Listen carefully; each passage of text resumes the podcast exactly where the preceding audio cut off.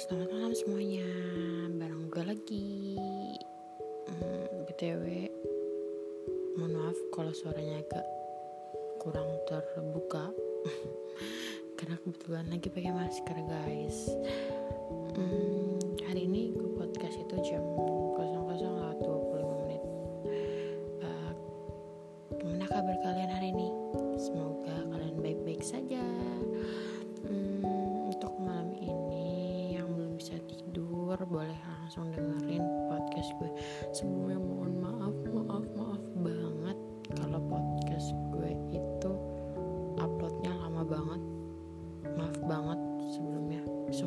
banget dari lubuk hati gue. Eh, Gue masih mau cerita Kali ini gue mau cerita bagian yang ketiga. Em, Bagian cerita ini agak sedikit Gimana ya Ceritanya tuh Ini cerita masa kecil gue. Pokoknya gue tuh lucu banget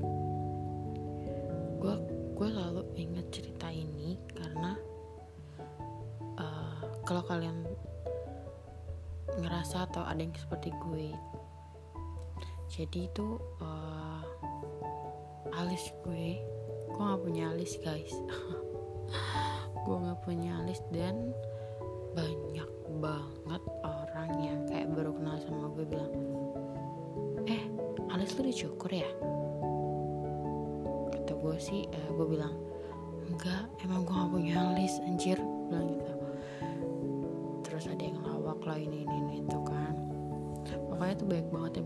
gitu gue mau ceritain awal mulanya kenapa gue gak punya alis oke check it out. Jadi itu gue waktu kelas berapa ya gue juga lupa banget pokoknya SD sekitar 34 atau 45 gitu pokoknya SD ya antara 3 sampai 5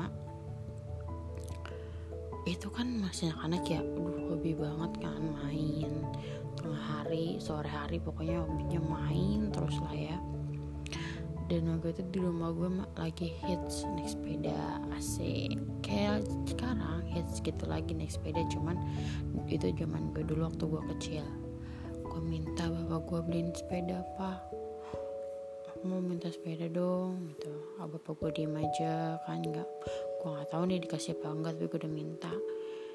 Ah, gak lama itu bapak gue libur kerja. Bapak gue pergi sama nyokap gue terus dia beliin gue sepeda guys. Oh my god gue seneng banget. Sumpah. Dan sepeda yang dia beli itu langsung sepeda roda dua. Gue udah bisa gue udah bisa naik karena walaupun gue belum punya tapi gue pernah main punya teman gue dan gue bisa naik sepeda itu gitu. Gue pernah dibonceng atau gue pernah boncengin dulu kan pakai ada yang belakangnya tuh boncengan. Ingat gak sih yang di roda gitu? Pokoknya kayak gitu.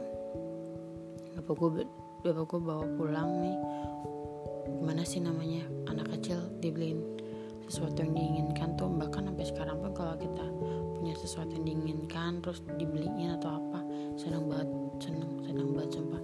Saat itu juga detik itu juga gue langsung pakai tuh sepeda bener gue gak bohong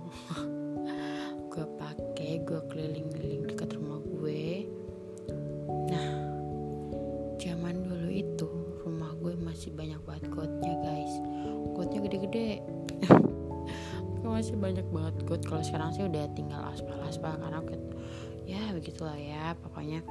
Pokoknya masih dulu masih banyak got got gue main sepeda berdua doang sama temen gue nih. Tengah hari ini gue mainnya tengah hari gue main sepeda. Oke gue muter-muter lancar-lancar awalnya. Bret. ada mobil ceritanya nih. Set Ah, mobil itu pokoknya ah, lawan balik gue deh pokoknya gitu ya. Mobil lewat gue agak kagok nih ada got kalian. Gotnya kan gede-gede ada got eng eng. Gue jebur tuh ke got. Oh my god. Sepeda baru gue yang belum ada sat- 24 jam udah jebur got dan yang bikin kesel lagi. Alis gue hilang coy alis gue luka itu lukanya tuh udah gede, hampir bener-bener deket sama mata gue. Itu alis gue yang setengahnya tuh hilang luka. Gue sedih banget gue situ gue bener-bener kayak pengen nangis tapi gue nggak bisa nangis. Emang sakit rasa sakit banget sumpah. Nah kebetulan deket rumah gue itu ada rumah kosong. Kontrakan kosong gitu kan gue sama temen gue gue uh, gue ngajak temen gue ke situ gue bilang eh eh kita ke situ dulu yuk. Mau ngapain? Lu pulang aja tuh kan lu jatuh kata teman gue gitu. Gue bilang ini ah jangan gue takut gue takut main mak gue anjir ini kan sepeda baru. Tuh kata temen gue tapi kan lu itu luka lu mah gak apa-apa gak apa-apa tunggu di sini dulu ya kata gue gitu.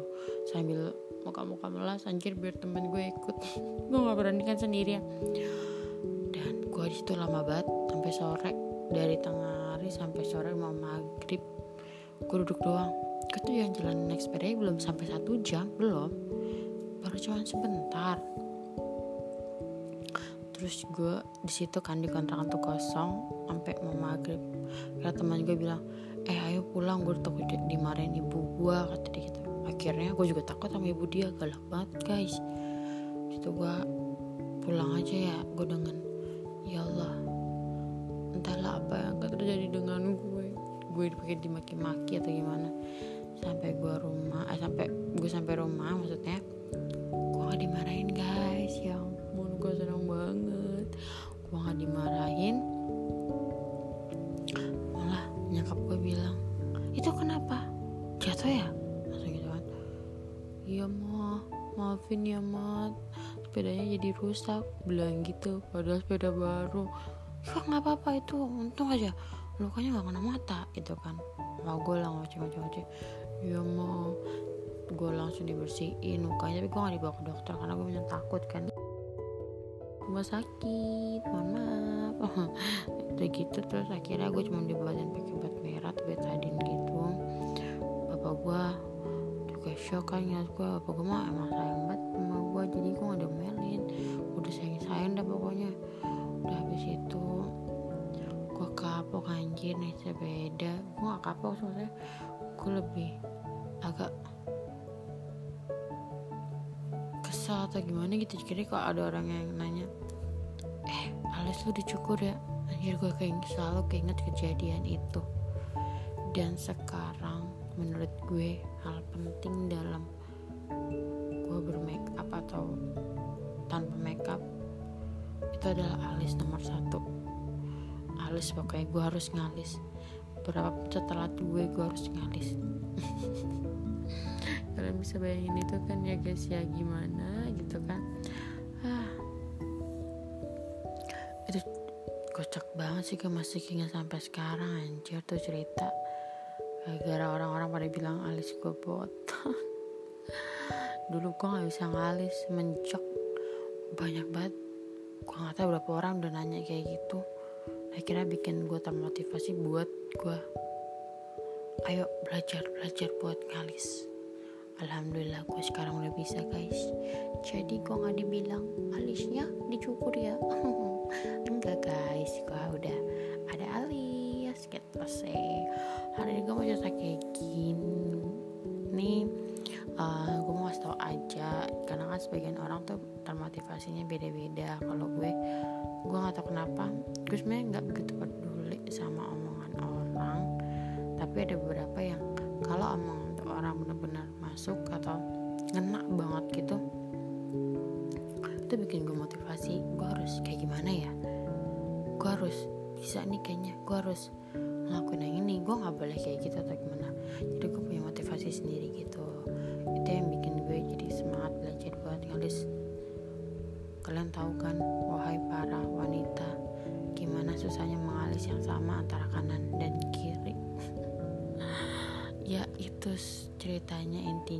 pokoknya. Uh, mohon maaf kalau cerita gue eh, mohon maaf lagi maaf mulu udah kayak lebaran nggak pokoknya kalau cerita gue membosankan atau kurang bagus atau apa pun tapi gue cerita ini karena emang mau berbagi aja sama kalian gitu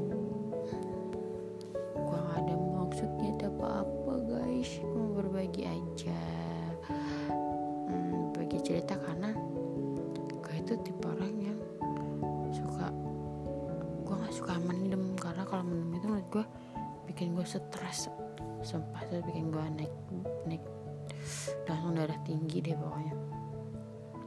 Lebih baik gue keluarin unek-uneknya atau curahan curahan. Makanya isi hati gue gue keluarin jadi lebih plong kayak kacang plong nggak ada yang iklan. Hmm, pokoknya sih semoga cerita ini atau motivasi kan bisa termotivasi untuk kalian sendiri.